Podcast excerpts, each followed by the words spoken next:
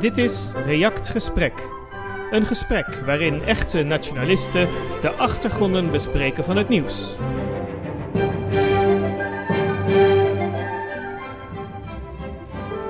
Buiten is het 14 graden. Binnen zit Sjors Remmerswaal.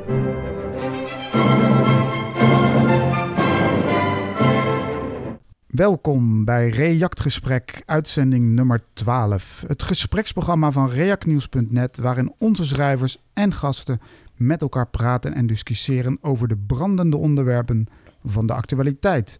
Met vandaag als onderwerp de verkiezingen voor de gemeenteraad 2022 met een aantal uh, mooie gasten. Faust Lanser, uitgever van de Dietse Bazuin, te vinden via YouTube. Joost Topterduinen, podcaster via europodcast.com. Geza Hegadus, politicus van IDNL, idnl.org. Lodewijk, podcaster, ook te vinden via europodcast.com. En Noah Visser, de voorzitter van de Dietse Volkspartij, te vinden via Telegram op uh, Dietsland. We gaan zoals ik al zei, stemmen voor de gemeenteraden doorheen Nederland. Eh, dat gebeurt maart eh, de 14e tot en met woensdag 16 maart. Nou, Nederland telt, telt maar liefst 345 gemeenten. Dat waren er in 1970 nog 913. Dus we zijn enorm um, schaal, aan schaalvergroting gaan doen op dat terrein. Dat doen talloze lokale en ook landelijke politieke partijen mee. En eh, veel aandacht zal als altijd aangaan richting de winnaars in de grote steden en de iets minder grote steden. Omdat het natuurlijk van belang is wie hier gaat besturen. En um, dat waarschijnlijk ook invloed zal hebben op de verhoudingen tussen de grote politieke partijen op, op landelijk terrein. Nou, we gaan vandaag in op de vraag wat het belang is van de gemeente, hoeveel ze te vertellen hebben en wat men allemaal nog aan onafhankelijk beleid valt te maken hoe ze zich verhouden tot de provinciale staten en de landelijke bestuursorganen. Uh, we bespreken het belang en de opkomst van de nieuwe uh, etnische uh, buitenlandse partijen. hoe die gemeentelijk niveau, op gemeentelijk niveau in opkomst zijn.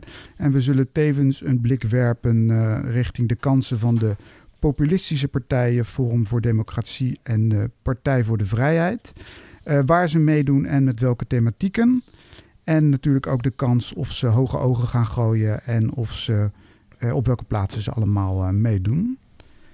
Uh, Noah, om met jou te beginnen. De lokale politieke partijen, heb je daar naar kunnen kijken en wat verwacht jij van, van, van hen in de, met deze verkiezingen? Ja, we hebben in de laatste paar, paar decennia eigenlijk een heel erg grote toename gezien van de lokale partijen. Uh, als je kijkt naar uh, begin deze eeuw, dan was het vaak nog rond de 20%. En dat begint nu toch wel echt te neigen uh, naar richting de 30% van de mensen die bij de gemeenteraadsverkiezingen op zo'n lokale partij stemt. En dat komt eigenlijk, denk ik, en daar, is ook wel, er zit ook wel wetenschap achter, dat komt voornamelijk omdat steeds meer mensen, die raken eigenlijk gedesillusioneerd met de landelijke politieke partijen. Die zien wat er gebeurt in Den Haag, die zien wat er gebeurt in de Tweede Kamer, en die denken eigenlijk ja, dit, dit wil ik niet meer. En ze stemmen misschien wel op een VVD, ze stemmen misschien wel op een, op een CDA. Maar op, op, op het lokale niveau, uh, ja, toch niet. Omdat ze die partijen op die manier um, ja, toch nog eventjes willen laten zien van... Nou, we, we hebben ook nog een eigen belang. Uh, daarbovenop heb je bij deze verkiezingen, en dat is een, uh, een, gevolg ook van de hevige versplinteringen, partijen die het in de peilingen best goed doen, zoals Jij21, uh, boer-burgerbeweging en nog, nog enkele andere, die gewoon eigenlijk bijna niet meedoen aan, uh, aan gemeenteraadsverkiezingen. Boer-burgerbeweging zelfs aan geen één. Um, dus met die factoren verwacht ik eigenlijk dat we bij deze verkiezingen als nooit tevoren gaan zien uh, dat lokale partijen eigenlijk macht pakken in hun, in hun gemeentes. Ja, ja, dus jij denkt inderdaad dat um, de lokale partijen wel hoge ogen gaan gooien, begrijp ik dat goed, maar niet um, daadwerkelijk gaan meeregeren. Dat ligt echt aan de gemeente. Um, je ziet in, in heel veel gemeentes kan je eigenlijk bijna niet om de lokale partijen heen, omdat ze gewoon de grootste worden of bijna de, of een van de grootste worden. in Rotterdam, natuurlijk Leefbaar Rotterdam is altijd uh, erg groot. en en je, ja, je, je kan lastig om die lokale partijen heen. Dus ze zullen absoluut wel, uh, wel meeregeren in sommige gemeentes. Nou is het wel zo dat landelijke partijen absoluut uh, op, op gemeentelijk niveau met enige regelmaat liever de lokale partijen uitsluiten.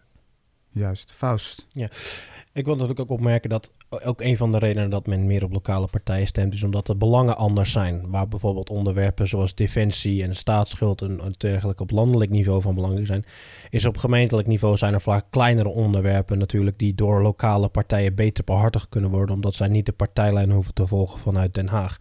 Dus dan, zo ziet men dat heel veel groepjes zoals bijvoorbeeld Forza, je hebt een aantal gemeenten waar die aan meedoen, je hebt Leefbaar, het hele Leefbaar coalitie gebeuren, was ooit ook begonnen met het idee van lokale onderwerpen en uh, lokale problemen aanpakken.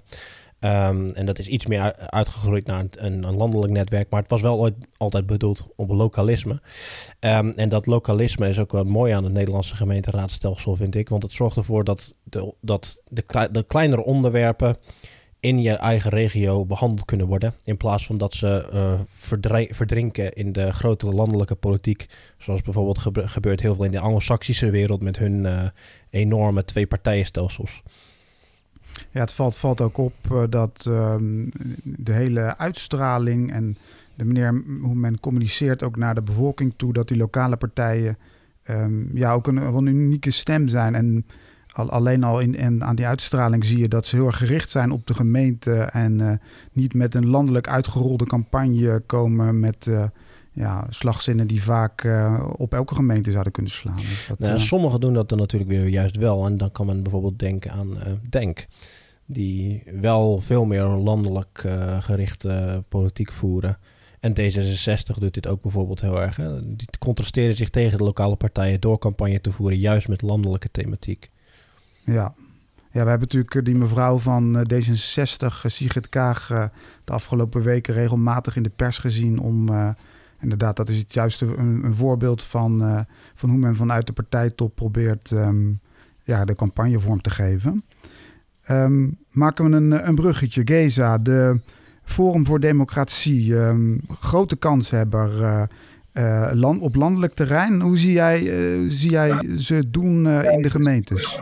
Nou, ik denk dat in meerdere gemeentes dat ze wel uh, uh, zeg maar uh, een grote kans maken. En in Rotterdam zelf weet ik niet eigenlijk, hè, vanwege Leefbaar Rotterdam, die hoog in de peilingen staat. Maar ik denk, ik denk wel dat het, ja, ik denk wel dat ze aardig aan de weg gaan timmeren zijn. Hè, want ze doen op 50 plaatsen mee. En ja, ik denk toch wel dat ze een behoorlijk grote aanhang hebben in Nederland. Dus ik, ik, ik durf het niet te zeggen wat, wat hun succes zal zijn. Maar ik ben er wel echt benieuwd naar. En uh, als, als we kijken in, in uh, Rotterdam. Nou, uh, we weten ondertussen dat de autochtone Nederlander een minderheid is in Rotterdam. En er doen al, nou even kijken. Denk doet mee. bij kleurrijk Rotterdam. Nou, dat is gewoon een BLM-beweging. Uh, bij één doet mee, dat ook een BLM-beweging. Nou ja, goed. Uh, dus uh, ja, dat, ik, ik denk dat daar een tegenreactie op zou kunnen komen vanuit de autochtone bevolking. Maar goed, zeker weten weet ik het niet. En het, het FVD heeft, heeft wel een paar hele interessante voorstellen. En dat is dus dat, uh, dat ze dus uh, zeg maar uh, buiten het behoud en onderhoud van lokale monumenten en evenementen. Dat ze willen gaan onderzoeken of de mogelijkheid er is om in bepaalde delen van de binnenstad vooroorlogse gebouwen en huizenblokken te herbouwen. Nou, dat is wel een heel uniek idee natuurlijk. Dus ik weet niet of dat haalbaar is. Maar, maar goed, ik, ik, ik heb het onder andere in Budapest gezien. Uh, waar natuurlijk ook een behoorlijke slag is geleverd aan het einde van de Tweede Wereldoorlog tegen de Russen.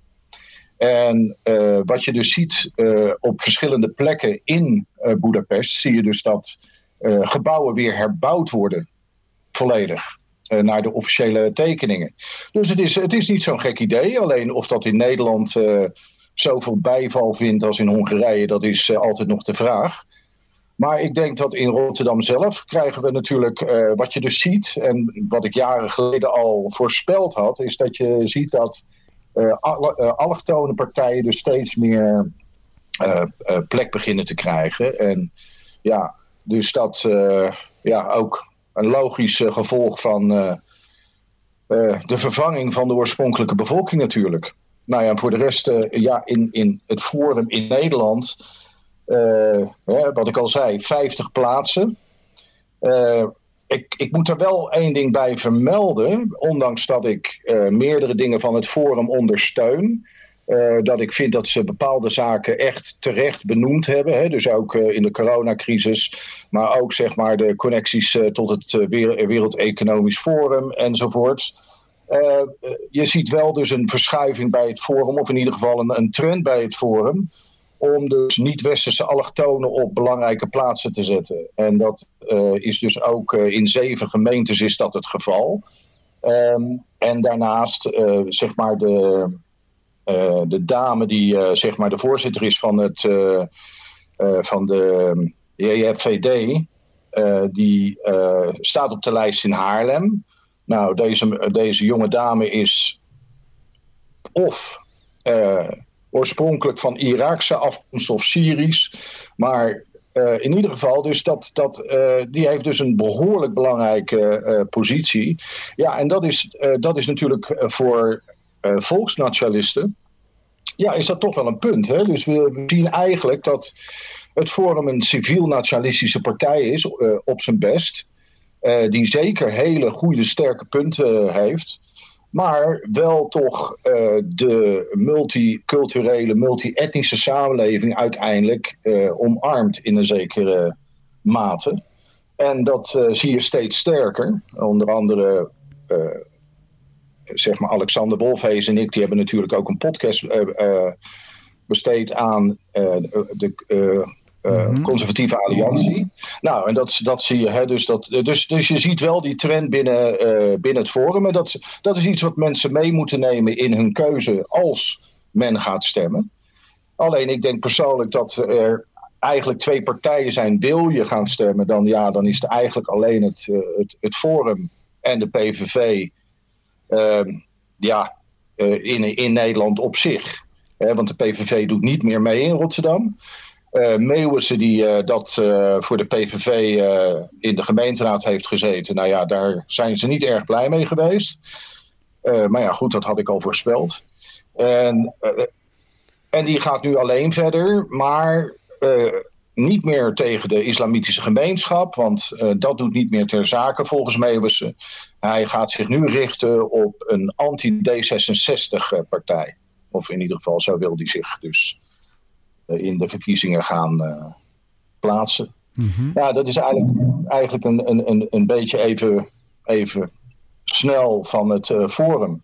Ja, ik denk dat het Forum een grote kans maakt. niet zozeer in Rotterdam. Want ik denk dat Leefbaar Rotterdam toch wel een behoorlijk sterke achterban heeft. Maar zeer zeker in Nederland, absoluut. Um, nee, je, je, neemt het wel een beetje natuurlijk vanuit een landelijk perspectief. Er zijn tientallen partijen die lokaal zijn en meedoen en ook goede standpunten hebben. Maar ik ben eigenlijk wel benieuwd, in hoeveel gemeentes doen de PVV en Forum eigenlijk mee in totaal?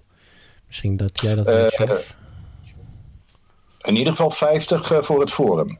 50, 50 gemeentes. Ja. Oké. Okay. Uh, PVV heb ik niet paraat op dit moment. Uh, wat, wat betekent precies, uh, Geza, die conservatieve alliantie? Want uh, daar hoorde ik jou over. Zou je dat kunnen uitleggen?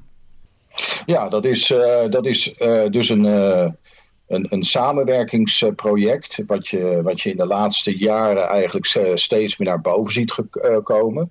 Onder andere bij het Forum voor Democratie. Hè, dus ook in de jeugdafdeling.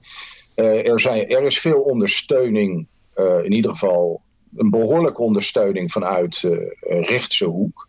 En dan heb ik het dus niet over de VVD, maar dan heb ik het dus echt over, uh, uh, nou ja, binnen het Forum, binnen zelfs nationalistische bewegingen. En het, het doel is eigenlijk dat conservatieve islamieten, allochtonen, maar voornamelijk islamieten, zich verbinden aan autochtone nationalisten, conservatieven. Om zo zeg maar een, een, een, een tegen ja, een, een, kracht te zijn tegen het, het, het, liberale systeem. En het globalistische systeem. Nou, en dat is, dat is in de laatste periode is dat echt groeiend in Nederland.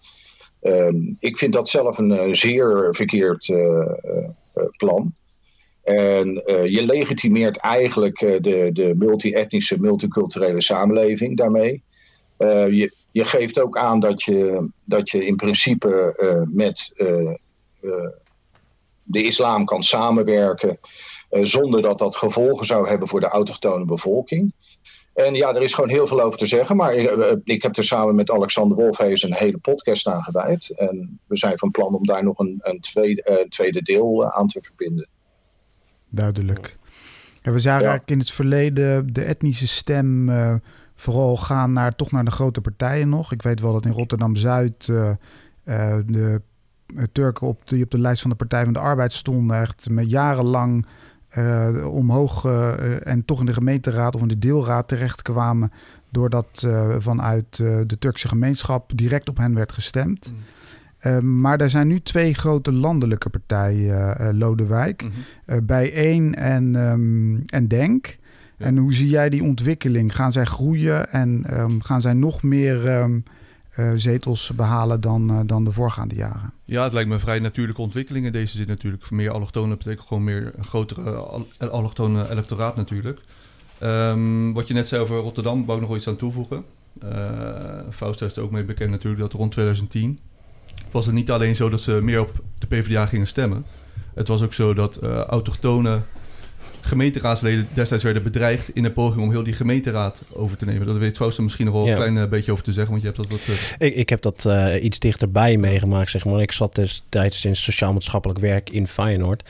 Um, en ik was toen nog relatief jong hoor, maar er was inderdaad een situatie waarin gewoon de P van de A-fractie was de meerderheid in de deelgemeente destijds. En die hadden gewoon eigenlijk uh, de macht in handen daar. En die deden een volledig spelletje van nepotisme. Daar werd uh, instituten opgezet uh, puur om geld vanuit de gemeente te, naar familieleden van de gemeenteraadsleden te vullen. Daar is een hele rechtszaak over geweest. Er is het merendeel van die fractie is toen uit de P van de A gezet. En zijn er een aantal mensen voor vervolgd.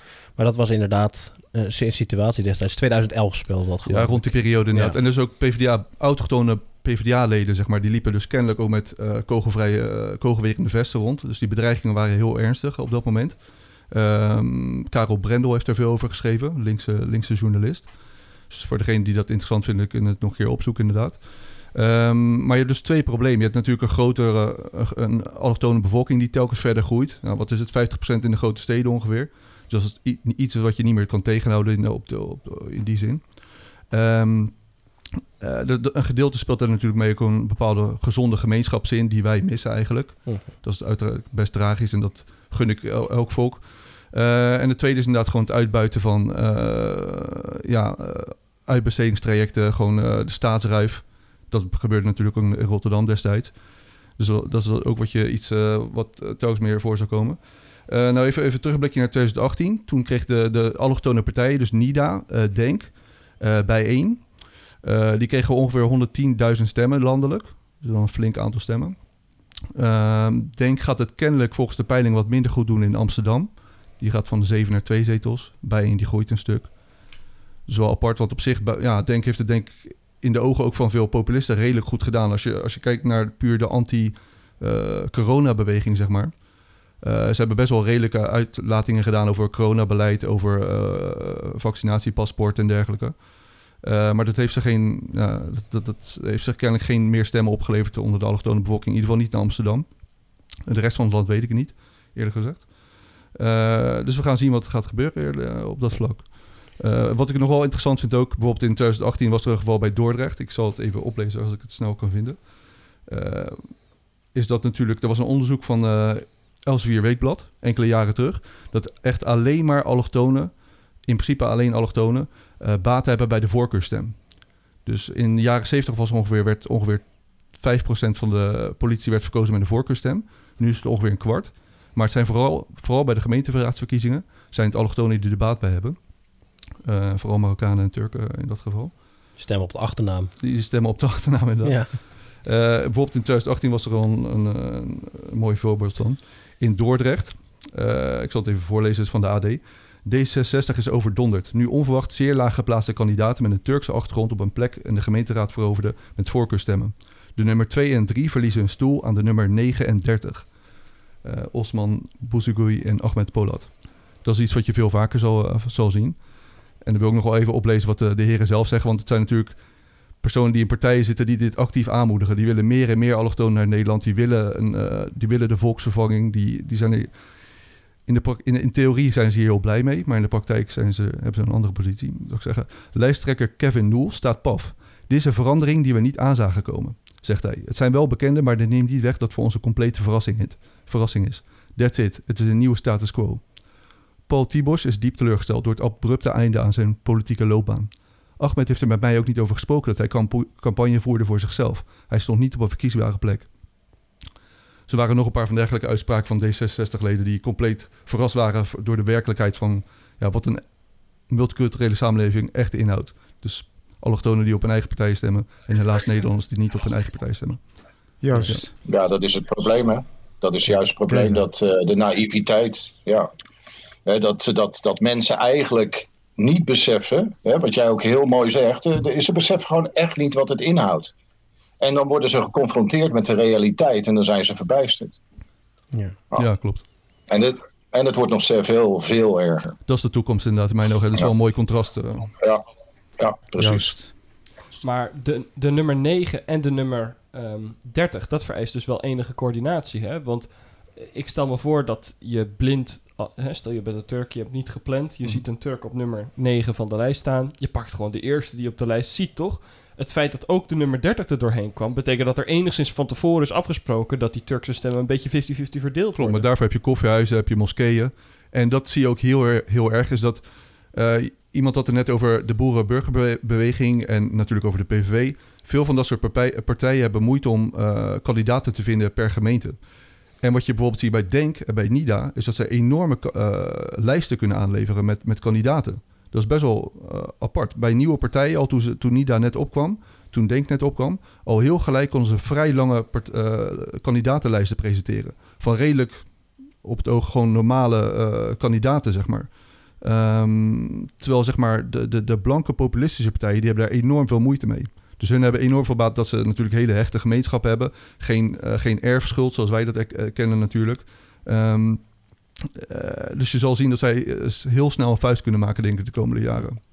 Ja, al stel dat, dat, dat beantwoord nog maar eigenlijk voor de helft. Dus moet ik me dan echt voorstellen dat dat strategisch in de koffiehuizen werd besproken... en dat er dan gewoon mensen naar huis gingen met een kaartje van... Nou, uh, Ahmed stemt, uh, stemt nummer 9 en, en jij stemt nummer 30, jij stemt nummer 9. En zo proberen we te zorgen dat iedereen die op die lijst staat een beetje zijn kans krijgt. Ik weet van het verleden dat ehm, de SP daar altijd boos over was. Dat die en ook een boekje opendeden daarover dat er echt Partij van de Arbeid moskeeën zijn. En GroenLinks deed dat ook heel efficiënt. ja, ja, en dat die dus echt hebben ingetapt in die gemeenschap. Natuurlijk ook subsidiëren. En, um, en op dergelijke wijze er natuurlijk gewoon gebruik van maken om uh, met verkiezingen, verkiezingen. bij bijna stemmen uh, automatisch toegewezen te krijgen. Ook... Ja, Geza, vertel.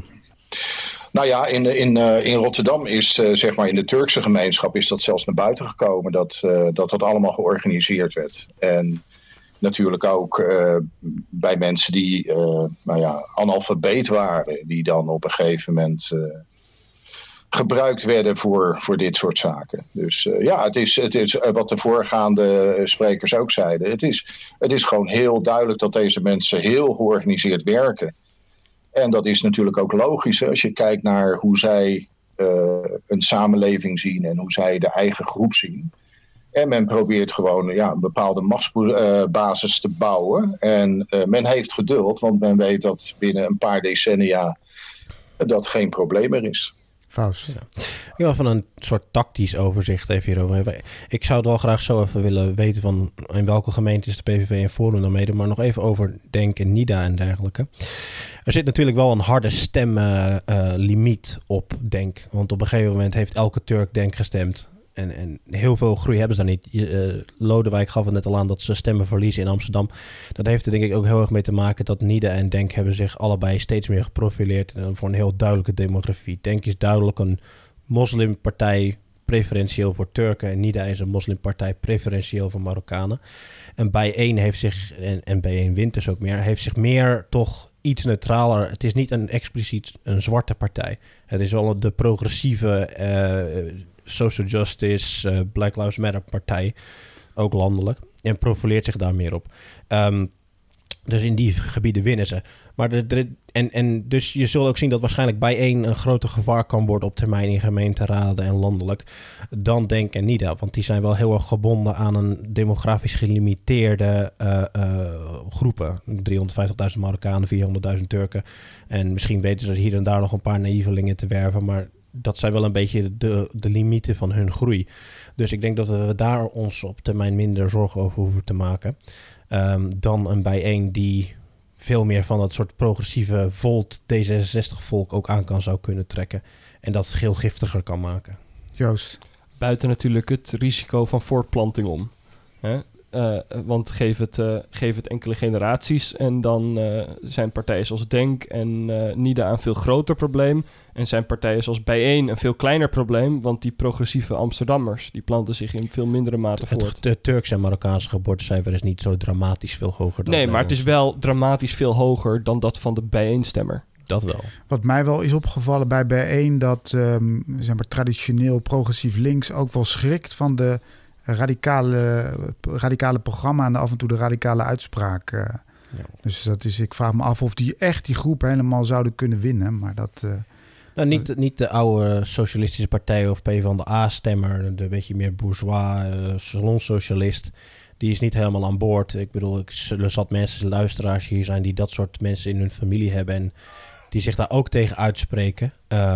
Mijn persoonlijke ervaring, ik, ik, kom uit een links gezin.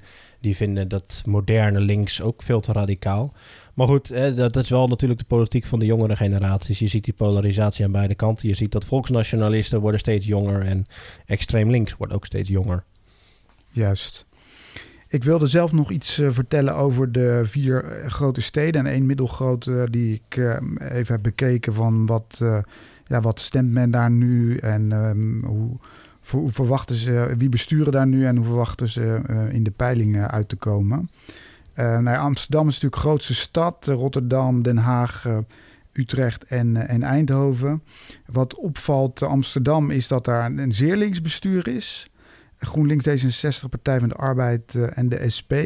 En dat in de, in de peilingen um, GroenLinks en D66 wederom de grootste worden. Maar ook een partij als Volt het heel goed doet. De Volt is de ja, zeg maar linkse studentenpartij, een beetje progressief en uh, met klimaat bezig. En, uh, en ge, gesponsord door, door de bekende oligarch Soros. En Forum voor Democratie en Ja21 staan allebei op 4% in de peilingen. En wat ook opviel wat betreft Amsterdam is dat het CDA met grote zekerheid daaruit de gemeenteraad gaat verdwijnen. Nou, als we kijken naar Rotterdam, is heel duidelijk Leefbaar Rotterdam de grootste. Uh, ook nu, terwijl ze niet besturen. Wat natuurlijk ook interessant is, uh, is toch een, uh, ja, een echt partijkartel um, bestuur nu dat daar nu de touwtje in handen heeft. Hè, met, met VVD, GroenLinks, D66, Partij van de Arbeid en het CDA. En de ChristenUnie zag ik er ook bij staan. En in de peilingen wordt, haalt Leefbaar Rotterdam wederom um, wordt ze de grootste partij met bijna een kwart van de stemmen. Dus dat is echt ongelooflijk. Als je het vergelijkt met de andere partijen die, uh, ja, VVD op 12, uh, nee, D66 op 12 procent, VVD op 10. En uh, Denk ook op 10 procent. En de Vorm voor Democratie staat op 3 procent in de peilingen. Um, dus ja, dat, dat valt op dat daar die lokale partij zo krachtig is. En dat geldt eigenlijk ook voor Den Haag. Um, nu is er een bestuur van um, uh, ook van de, dezelfde soort partijen als in, uh, in Rotterdam, hè, partijkartel. Ook zonder um, de lokale partijen in uh, Den Haag. En dat is nog wel interessant om te melden dat in 2019 bestuurde de, die lokale partijen. Dat is Hart voor Den Haag groep De Mos. Nou, die de Mos zullen veel mensen wel kennen, ook van de Partij voor de Vrijheid, uh, waar hij een tijd lang actief was. Nou, hij was wethouder samen met, um, um, met een meneer met een Marokkaanse achternaam. En um, zij zijn in 2019, toen ze daar eigenlijk ja, dan pas een jaar, anderhalf jaar zaten, uh, verdacht van corruptie en omkoping. En dat zou dan gaan om donaties van de mensen die aan een partij gedoneerd hebben en die daar dan diensten voor zouden terugkrijgen. Nou, het is echt opvallend dat het nog altijd niet voor de rechter is gebracht. Dus we zitten nu in 2022 en ze vermoeden dat dat pas um, in, um, in de zomer van dit jaar gaat gebeuren. Maar dat zweeft dus altijd nog boven zo'n partij. En dat is toch wel opvallend uh, dat dat zo lang kan doorzetten. En um, uh, de, de aanklacht is, is, is natuurlijk ernstig. Maar iedereen die een beetje gemeenteraadspolitiek kent, die weet wel dat, ja, dat dat niet, misschien niet in die mate, maar wel dat er altijd wel uh, sprake is van bepaalde invloed en van donateurs en mensen die bij zo'n partij betrokken zijn. Um, nou, de, die groep De Mos, Hart van Den Haag, die staan weer bovenaan in de peiling, 18 procent. Uh, D66 volgt op de tweede plek en uh, daarachter de kartelpartij. Partij voor de Dieren doet het ook goed in Den Haag, bijna 10 procent. En uh, Forum voor Democratie haalt waarschijnlijk niet de kiesdrempel. En de Partij voor de Vrijheid staat op, um, op 7 procent, wat ook wel een behoorlijke teruggang is. Want partij heeft een aantal jaren terug uh, nog wel een enorme verkiezingsoverwinning geboekt. En wordt nu gewoon een, een kleine oppositiepartij. Nou, als we kijken naar Utrecht, um, daar regeert GroenLinks D66 en de ChristenUnie. Dus ook een links-liberaal bestuur. En dan zien we in de peilingen dat, uh, dat D66 het, het goed doet. Wederom GroenLinks, VVD. En dat de PVV en Forum voor Democratie allebei op 3, 4 procent staan. Nou, dan de, de, een middelgrote stad, uh, Eindhoven. Daar, dat valt, is toch wel wat verschillend dan de andere. Daarin zien we um, dat het CDA toch wel wat beter doet. En dat daar geen lokale partijen um, uh, kansen maakt. En de VVD, GroenLinks en de Partij van de Arbeid... die reg regeren daar nu met het CDA... En men verwacht wederom dat de VVD de grootste wordt, gevolgd door D66 en uh, de Partij van de Arbeid, CDA en SP. En wat mij eigenlijk opvalt is dat um, duidelijk Amsterdam, Utrecht links- of links-liberale steden zijn. Um, dat Rotterdam en Den Haag een hele grote populistische lokale partij hebben. Natuurlijk in Rotterdam heel duidelijk ook en in, in Eindhoven, dus de, ja, de middelgrote steden waar, waar het onder behoort, dat daar ook een SP en het CDA nog um, ja, toch behoorlijk wat uh, invloed uh, en behoorlijk wat zetels hebben daar in, in de gemeenteraad. Noah. Ja, wat ik zelf wel interessant vind om, om op te merken met. Um, waar die partijen nou populair zijn, waar lokale partijen ook populair zijn. Ik denk dat um, over het algemeen lokale partijen het gat vulden uh, van, van de PVV en, en nou ja, waar Forum zich ook een beetje op, uh, op, op oogt. Omdat er heel lang uh, geen landelijke partij was met lokale organisatie. De PVV heeft natuurlijk geen lokale organisatie vrijwel. Een paar uitzonderingen daar gelaten. Forum voor Democratie doet ook nu nog maar mee in iets van 50 gemeentes. Dus dat is ook een, een grote minderheid van de gemeentes. En je ziet dat juist in steden die toch wel ja, populistisch rechts willen stemmen. En maar dat lokaal niet kunnen, dat daar je de leefbaars uh, en zo ja, krijgt, die ook erg populair zijn. Um, en vandaar denk ik ook dat een stad als Utrecht uh, dat er veel minder lokale partijen zijn. Omdat dat, dat linkse, die linkse niche wordt eigenlijk altijd wel opgevuld door een bijeen, door een SP, door een Partij van de Arbeid. Juist. Ja, ja, ja. Dat, kun je, dat kun je dus ook wel zien bij de zo plekken waar Forza, Forza populair is. Forza is ook een redelijk populistisch rechtse partij. Die zijn bijvoorbeeld heel populair in Haarlemmermeer en de omgevingen waar de PVV het dan ook landelijk goed doet. Dus dat is inderdaad een fenomeen dat je ziet dat.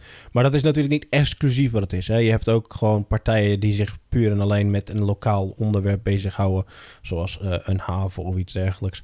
Um, en die niet per se een vervanging zijn van de populistische partijen. Ik vond het zelf uh, nog wel interessant om even kort iets te zeggen over um, de, de macht eigenlijk van de gemeenteraden. Want ja, we hebben wel gezien dat, ehm, ja, zoals ik al noemde, een aantal gemeenten samen zijn gegaan. Dus dat die toch groter en krachtiger zijn geworden.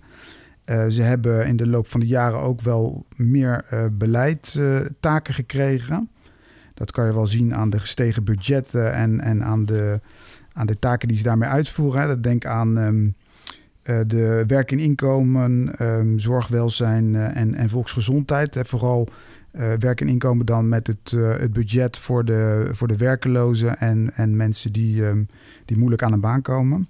En met de, de ja, veiligheid, welzijn, daar zit natuurlijk ook die migratieproblematiek heel erg in. Hè, met etnische subsidies en Um, en dergelijke om, om die en allerlei programma's om mensen van de criminaliteit af te houden. Um, maar ik denk een belangrijk iets is, is nog wat eigenlijk toch weinig wordt genoemd, is dat doordat boven Nederland zelf toch een aantal organisaties enorm veel invloed hebben gekregen. En wat je nu ook ziet met, met die oorlog in Oekraïne, waar de NAVO eigenlijk van bovenaf die propaganda op ons neer laat dalen en dat dat gaat dan van het landelijk niveau. En zelfs in die gemeentes is men daarmee bezig. En denk um, dat dat. Uh, ja, er zijn natuurlijk meer internationale organisaties en afspraken. Denk ook aan het klimaatbeleid, wat natuurlijk eigenlijk uit de uh, doos van, de, um, van de Verenigde Naties komt. En um, ja, dat heeft enorm gevolgen voor, voor ook voor het lokale beleid en en de mate waarin men op een lokaal, lokaal niveau ja, bepaalde beslissingen, bepaalde, een bepaalde koers kan, kan inslaan. Um, wat, wat ook nog wel interessant is, is dat um, um, je hebt natuurlijk de wethouders uh, die worden gecontroleerd door de raadsleden. Dat eigenlijk blijkt dat bijna de helft van de raadsleden aangeeft dat ze uh, onvoldoende tijd hebben en onvoldoende ondersteuning om hun werk goed te doen. En wat toch wel belangrijk is om, om te begrijpen waarom vanuit die gemeenteraad toch vaak weinig spektakel komt. Ja, dus dat, dat wat, wat betreft de, de, de machtsverschuiving um, naar de gemeenteraad. Ik weet niet, Faust? Ja, daar, daar wil ik wel wat over zeggen. Want gemeenten zijn uiteindelijk het orgaan die al het landelijk beleid moet implementeren. Hè? Uh, het zij zijn het stedelijke bestuur. Zij moeten uiteindelijk de ruimtelijke ordening en dergelijke regelen voor de windmolenparken en de, zon, zonne, eh, de, de zonnepanelenparken. Ze moeten het afspraken regelen met de industrie over wat zij wel en niet mogen. Een heleboel van dat soort taken, ook veiligheid, politie valt onder de gemeente. Dergelijke. Uiteindelijk is het het orgaan van de gemeente die een heleboel van het beleid dat landelijk wordt bepaald moet uitvoeren. En zoals we bijvoorbeeld zien bij de SGP-gemeentes. De SGP kan een heleboel van dat soort beleid dat zij zelf niet zien zitten in ieder geval in de gemeentes waar zij controle hebben en sociale zin tegenhouden. Bijvoorbeeld, zij kunnen voorkomen dat er gekocht wordt op zondagen en dergelijke. Ze kunnen sociaal progressieve dingen enigszins tegenhouden. Dus uiteindelijk zijn gemeenteraadsverkiezingen wel een heel belangrijk iets eigenlijk waar we wel zeker in mee moeten stemmen.